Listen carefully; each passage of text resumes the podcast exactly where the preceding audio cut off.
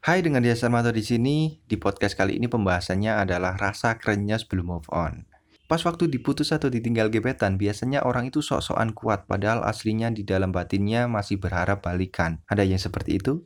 Banyak. Mau dites kalau kamu masih mencintai dia atau tidak? Gampang.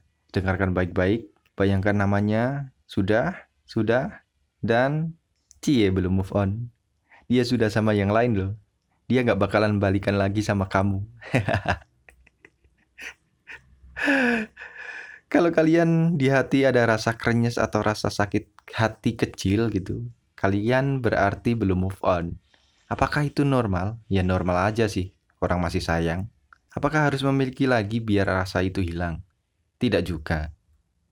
Berpikir dan mengikhlaskan dia sudah bahagia dengan yang baru, kemudian kamu juga akan mendapatkan kebahagiaan yang baru juga itu adalah salah satu obat bagimu. Jadi terima sajalah, jangan jadi pembohong bagi diri sendiri. Akui saja kalau belum move on, daripada ngakunya sudah move on, tetapi sering stalking di akun sosmednya. Kan waku ya. Butuh waktu memang, dan setiap orang berbeda-beda dalam prosesnya. Masih banyak di luar sana yang jomblo juga sepertimu. Jadi coba sajalah, siapa tahu jodoh kan? Terima kasih sudah mendengarkan episode ini dan sampai jumpa di episode selanjutnya. Terima kasih.